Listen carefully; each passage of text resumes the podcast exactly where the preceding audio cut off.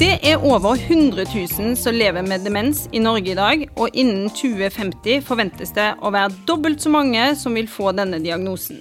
Det er ikke gode nyheter, verken for de som rammes, deres nærmeste eller samfunnet.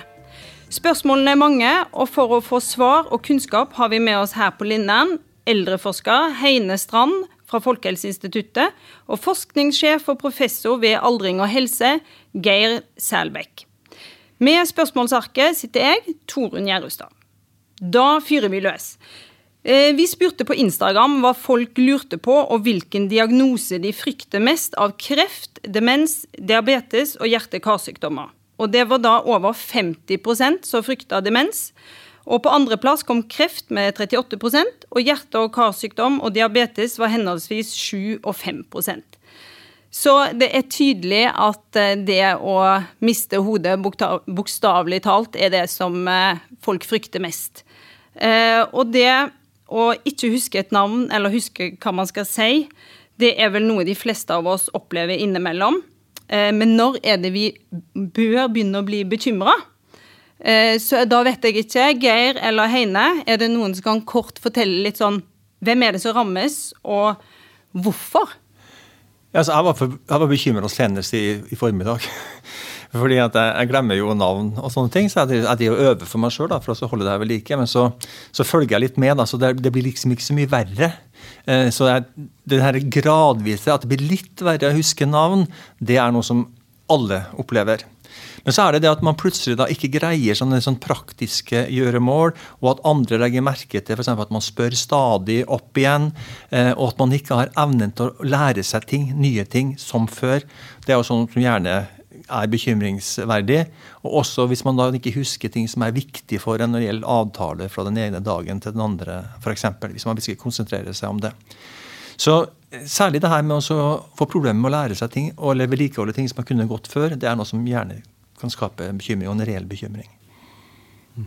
Det er sånn, Men navn har jeg egentlig aldri huska, så jeg er veldig dårlig på det. Så, men det har ikke blitt noe bedre med åra heller. Så, men det å huske sånn hovedsteder og sånn, det er eh, For dattera mi går i 7. klasse, og de hadde hele Europakartet og skulle liksom lære seg hovedsteder. og Hun pugga inn det da, og klarte det greiene der. Og kom til meg, og Montenegro i hovedstaden der. og ja, og Så sa hun det, og så hadde jeg glemt det ikke sant, dagen etter. Så, Podgorica? Podgorica, ja. ja. Du kan det, kunne det, det er bra.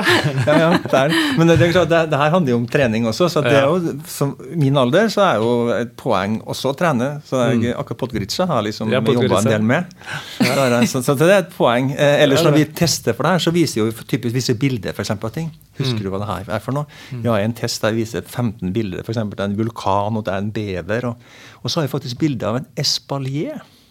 Vet du hva det er for noe? Eller? Espalier? Nei, det Og Er det sånn hagegreie? Ja, det er sånn ja. som blomster klatrer på. Ja.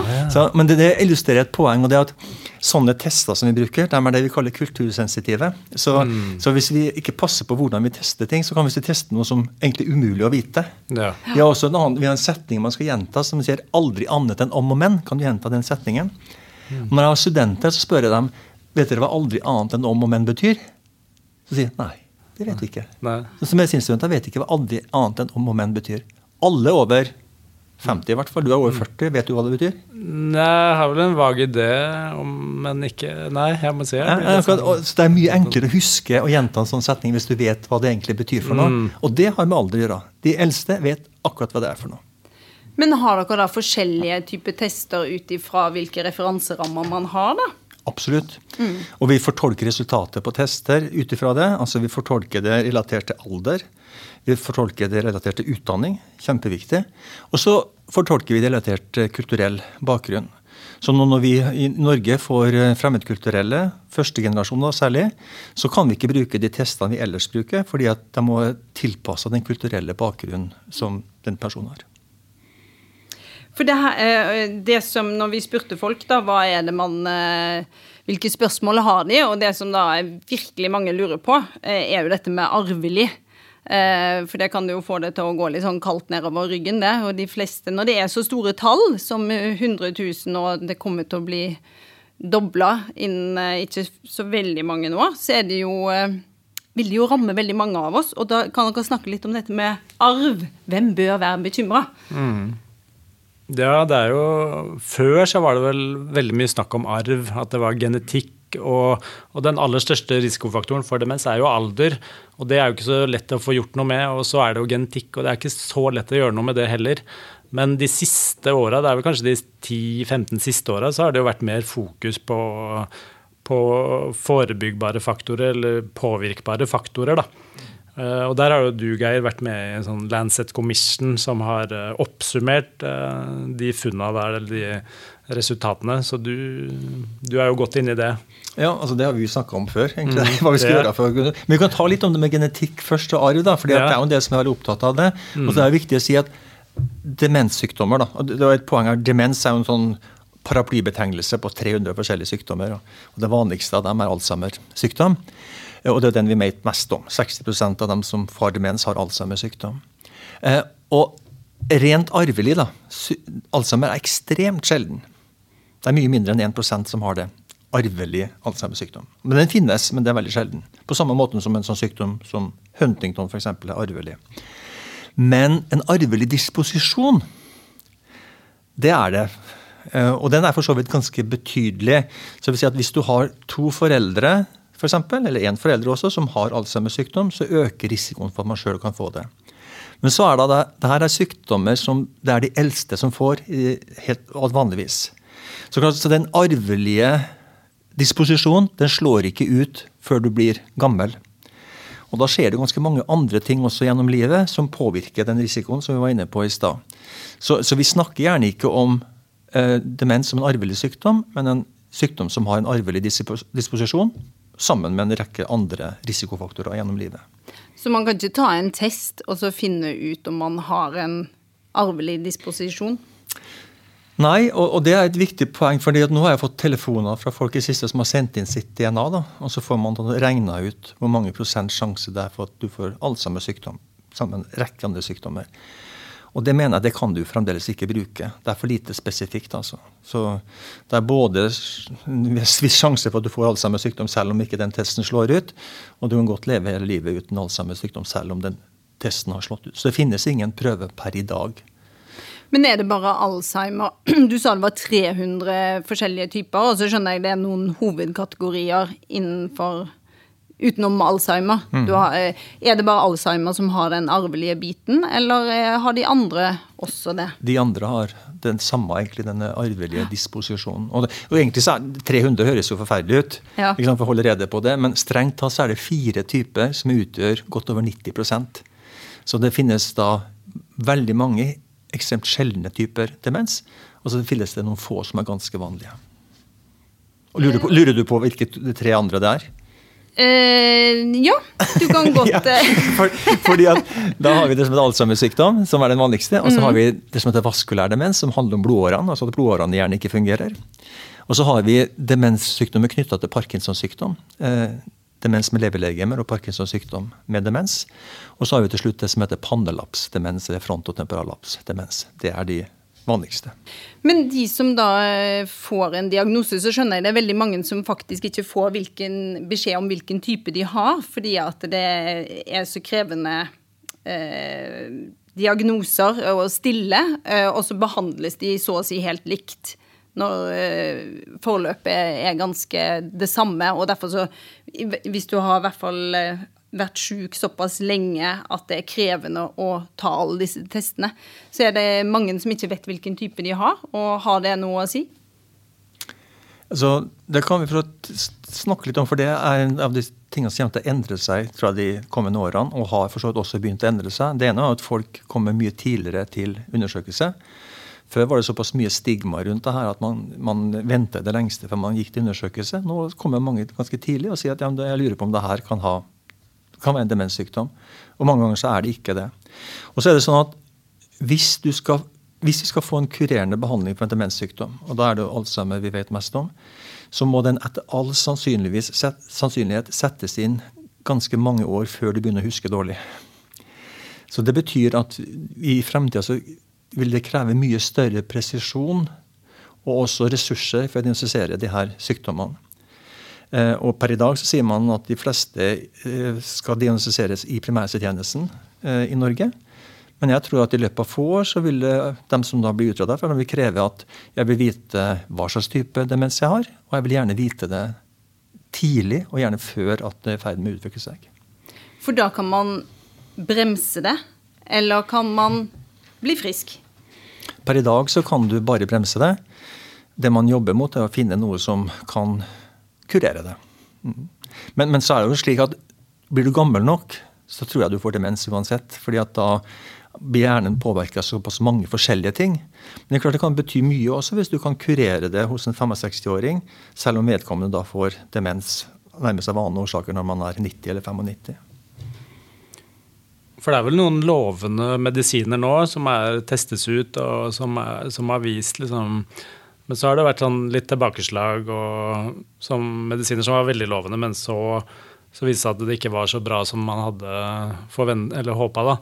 Så, men det er vel, jeg leste vel i avisa nå her om dagen, da var det noe nytt i forbindelse med noe, um, noe medisin som også brukes uh, mot leddgikt, eller Så det var noe Så det, er, det, skjer jo hele tida noe, noe, nytt, og det er jo veldig mye innsats på det området med å prøve å finne medisiner. Men, uh, men det er vel at per dags dato så er det ingen som er som virker veldig bra, eller som har dokumentert Ikke. effekt. Men vi tror jo at vi vet hva som er årsaken. Og igjen, Det er jo Alzheimers sykdom vi vet mest om. Mm. Og Da er det faktisk et protein i hjernen da, som man enten ønsker å unngå å bli danna, eller man vil fjerne. Og Hvordan fjerner man ting i kroppen som man ikke vil ha det? Jo, man vaksinerer. Og Det er jo faktisk veldig aktuelt nå. da, for Det man, det man prøver, er også å skape antistoff mot det her i proteinet i hjernen. Og Det har man greid, da, men det er nettopp det poenget at man tror at den, den behandlinga for å fjerne antistoff altså Det blir på en måte en slags vaksinering. Den må starte før du begynner å huske dårlig, for det proteinet har begynt å hope seg opp i hjernen kanskje 20 år før du begynner å huske dårlig. Så når du begynner å huske dårlig, så er det kanskje for seint å så du må inn i barnevaksinasjonsprogrammet nesten det her, da? ja, altså, det er faktisk et poeng. Også når vi skal snakke om risikofaktorer etterpå, så er det viktig å se det her i et sånn livsløpsperspektiv. I hvert fall fra si, beslutningstageres side. Mm. Men sånn når man rammes eh, av det her, eh, så sier dere at alder spiller veldig en stor rolle. Jo eldre du blir, jo større er sjansen. Men så er det jo noen som får det ganske ung, ungt allikevel. Eh, er det noe som er mer arvelig eller mindre, eller vet man ikke? Det er noe mer arvelig. Ja, det er noe er mer arvelig, altså En sterkere arvelig komponent blant dem som får det i ung alder. Men selv der er det sjelden at det er en sånn rent arvelig sykdom. Men det er en sterkere arvelig disposisjon. Det er det. Så før 65 års alder så er det å anses som ungt da, i forhold til å få demens. Og det er, eh, de aller aller fleste er jo over 65, men det er vel nå vet jeg ikke helt, husker jeg ikke tallet, men noen eh, prosent eller 1 Det er 2000 Norge, tror jeg, ja, under 2000, 65 år, som ja. har demens. Så det er, en, det er jo det er sjelden, men det er ja, noen allikevel som får de så Men hvis du får det veldig ungt, går det da tregere? Det er vel noen studier som har sagt at, da, at, Eller at det går fortere. At det er liksom et mer alvorlig forløp. Men, eh, men, eh, vi har jo sett litt på det i forhold til levealder. Og vi ser at de som får demens eh, før 65 års alder, de lever de lever litt lengre enn om man får det når man er 75 år. Men de lever jo veldig mye kortere enn de som er 65 som ikke har sykdom. Så avkorta levealder er veldig mye blant de som får det. De lever vel i en sånn seks-sju eh, år i gjennomsnitt. Så, så, man lever jo ikke så veldig lenge hvis man får det i ung alder. Og, mens de som er 75 år, de lever i sånn fem-seks år i gjennomsnitt. Men, men, det kan også være demenssykdommen kan jo likevel utvikle seg raskere. Mm. Men de, fysisk sett så lever de lenger. da. Og ja. det er jo det som, For unge folk de får jo da sterke demenssymptomer, men fysikken varer jo på en måte fungerer mye lenger. da. Som for så vidt skaper kanskje ekstra utfordringer også. Ja. Og frustrasjon. Ja, absolutt. Eh, men er tegnene annerledes for de som får det i tidlig alder? Ja, Litt varierende er det. Det er de samme sykdommene, men det, symptomene kan være annerledes. Eh, Og fordelinga mellom de forskjellige typene er annerledes. Alzheimer er f.eks. ikke så mye mer vanlig enn de andre blant de yngre. Da er det andre typer demens som er relativt sett mer vanlig. Så det er annen symptomutforming. Det er det. Selv om det ligner, så er det en annen symptomutfordring. Faktisk inntil, inntil på 70-tallet så var det jo det som var demens, var bare dem som var under 65 år. Og så, da, på det 75, så var det en gruppe som satte seg ned. ja, Er ikke egentlig det her en sykdom som er såpass lik da, at man bør slå dem sammen? Og så gjorde de det. Og da gikk det jo fra å være en ekstremt sjelden sykdom til å bli en mer vanlig sykdom. Bare på det her skiftet, hvordan man definerte hva som er demens.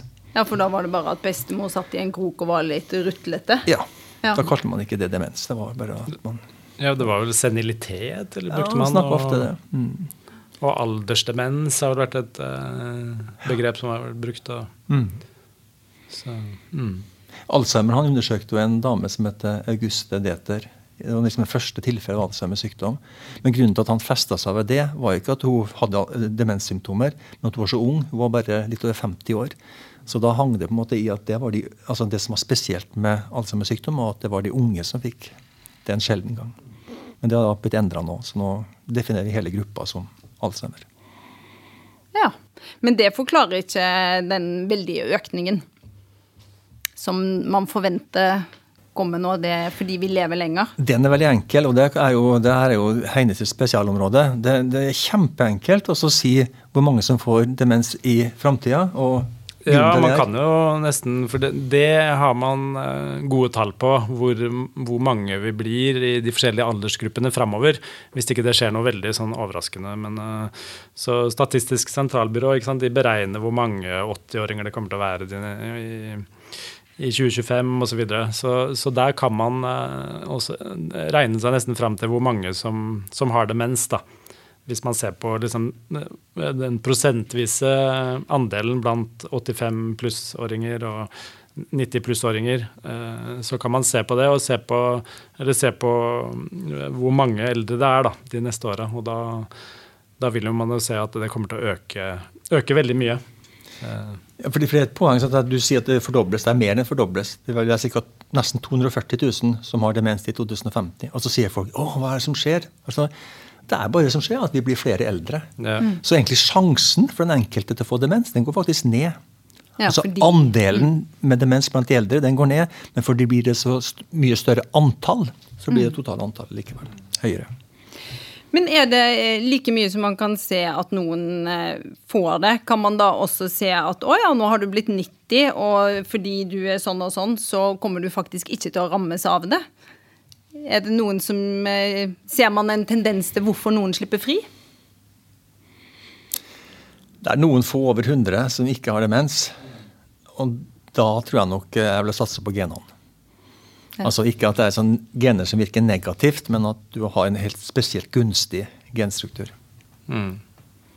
Ja, for nå, Hvis du når såpass høy alder, da, det er vel over 90, da er det nesten vel eh, om lag halvparten som har demens.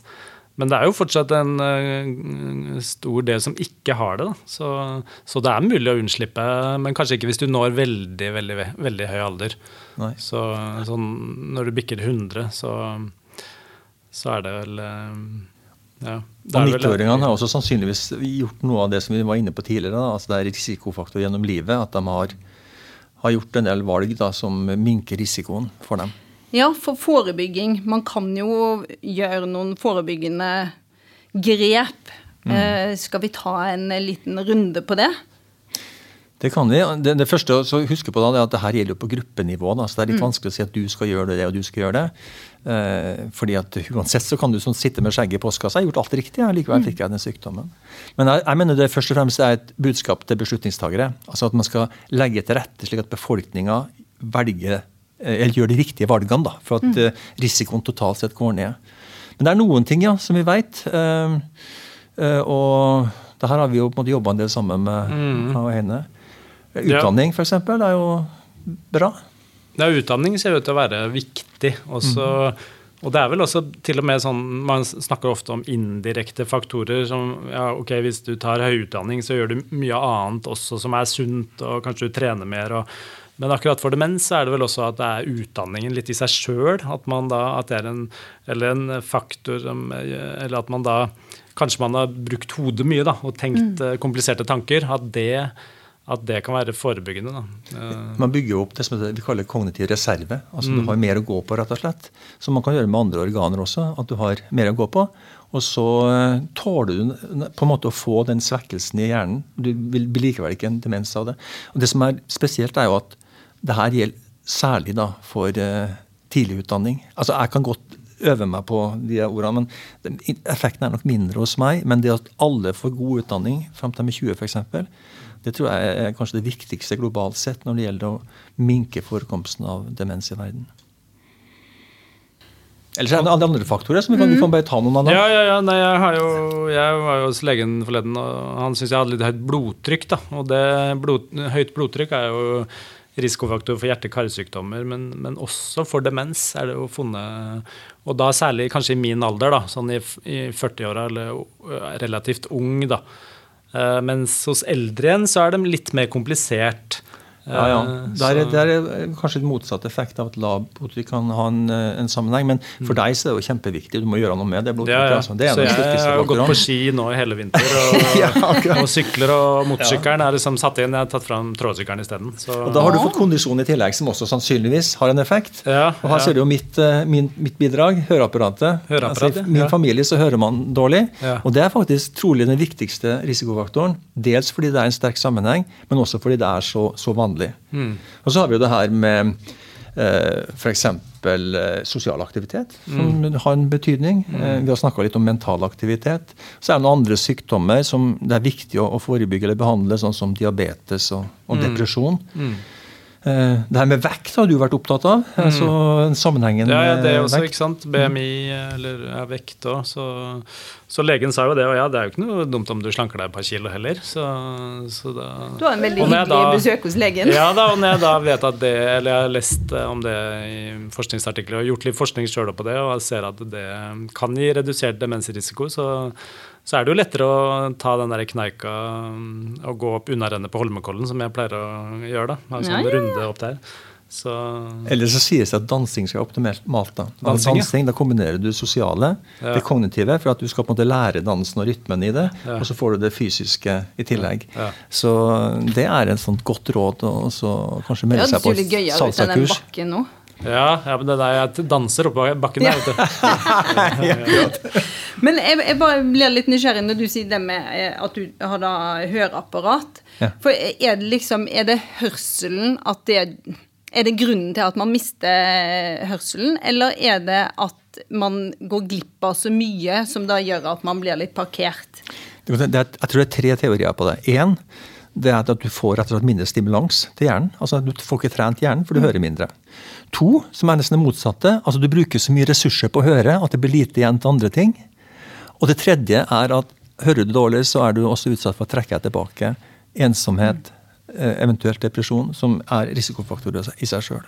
Ja. Så alle de tingene der skal jeg prøve å unngå da, med de apparatene der. Ja, ja, så høreapparat kan motvirke alle de der eller det er det som er greia med risikofaktorene. De, de, spiller seg ut så tidlig i livet og det tar så lang tid at vi har egentlig ikke fått testa så godt om det virker. Men det er grunn til å tro at det virker.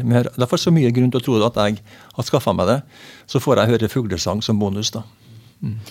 Men, ja, vi fikk et spørsmål på Insta her. Eh, kan antidepressiva beskytte mot demens? Er det da litt det samme? At hvis det gjør at du blir mindre reservert og ja, altså Antidepressiva kan ikke behandle demens, det er viktig å si. Mm. Men det er grunn til å behandle depresjon godt, for depresjon er en ekstrem stressituasjon. Altså Vi kan måle stoffer i kroppen som er stresshormoner, som du har veldig høyt ved depresjon.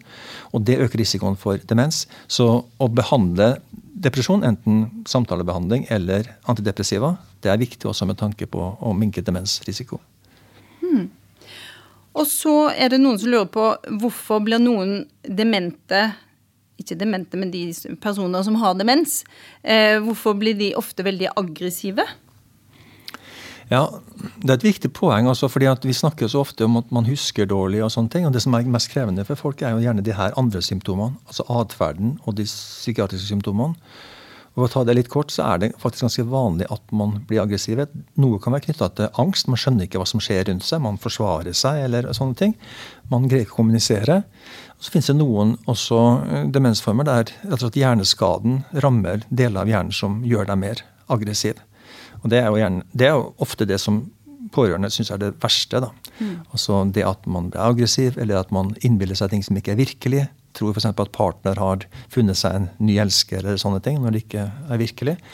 Eller at man er hallusinert, at man hører eller ser ting som ikke er virkelig. Dessverre så, så er de fleste får noen grad av det her som en del av sin demenssykdom. Men da er det litt sånn uti?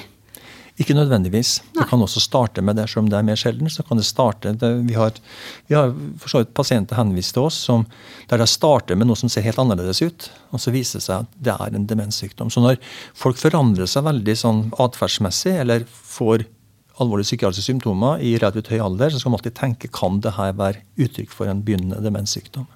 Mm.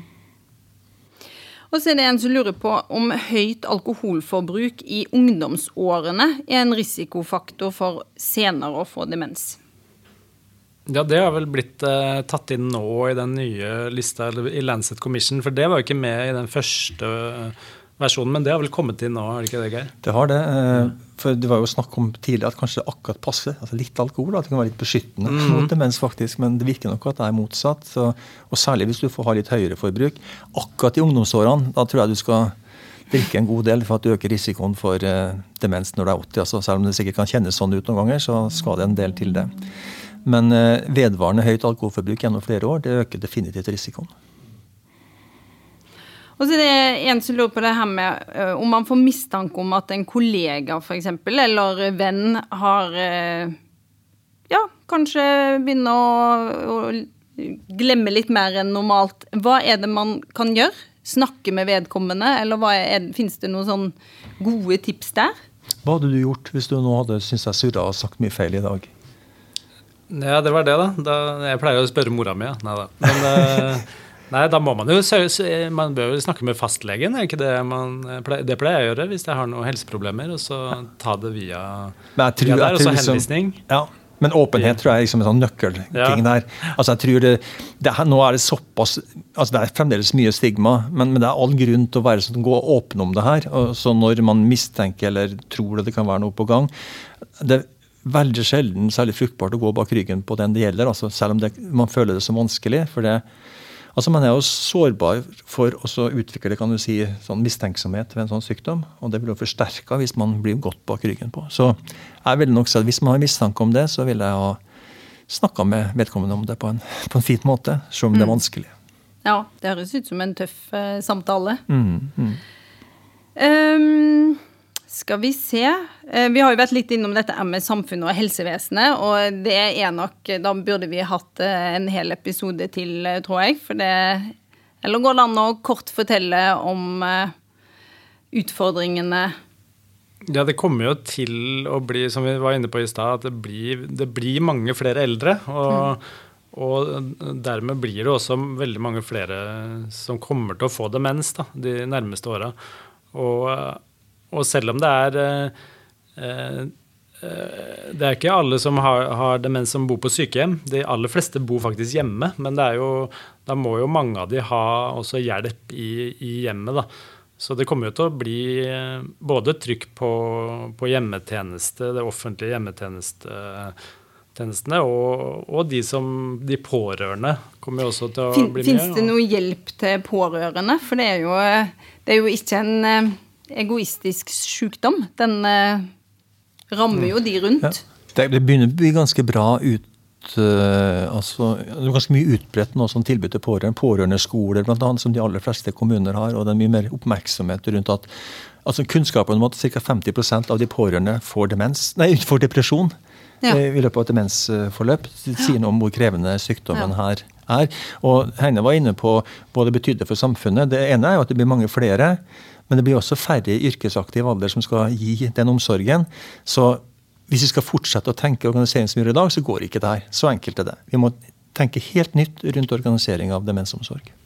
Og det er ganske få år til. Det, mye, det kommer til å bli en stor økning bare i de neste ti åra. Man snakker om dobling innen 2050, men også bare innen de neste ti åra så kommer det til å bli øh, økning og utfordringer.